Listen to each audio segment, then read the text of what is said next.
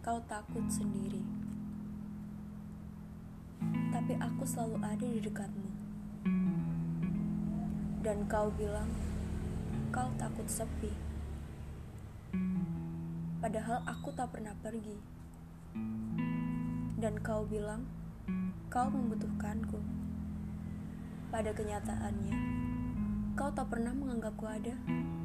Iya, aku si manusia bodoh si manusia bodoh yang selalu dipermainkan oleh rasa ini. Dan kau, makhluk tanpa rasa, yang entah menganggapku apa. Ingin rasanya aku pergi, tapi hatiku tak mau. Ia berontak, seolah hatiku mengkhianatiku. Aku ingin marah, tapi aku tak bisa. Yang bisa kulakukan hanyalah memendam. Entah sampai kapan aku begini.